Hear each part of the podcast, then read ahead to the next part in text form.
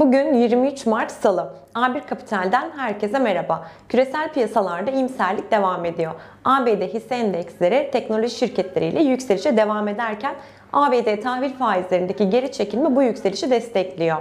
Avrupa Merkez Bankası ise merakla beklenen pandemi acil varlık alım programında haftalık işlemler nihayet artış gösterdi. 19 Mart haftasında 21.1 milyar euro alım yapılırken toplam program altındaki işlem büyüklüğü ise 913.6 milyar euro oldu.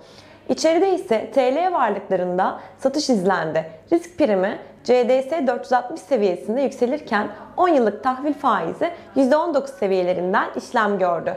Kısa vadede faiz ve kur dalgasından hisseler üzerinde baskı yaratmaya devam edilebilir. Bugünün yurtdışı gündeminde FED Başkanı ve bölgesel FED başkanlarının yapacakları konuşmalar var.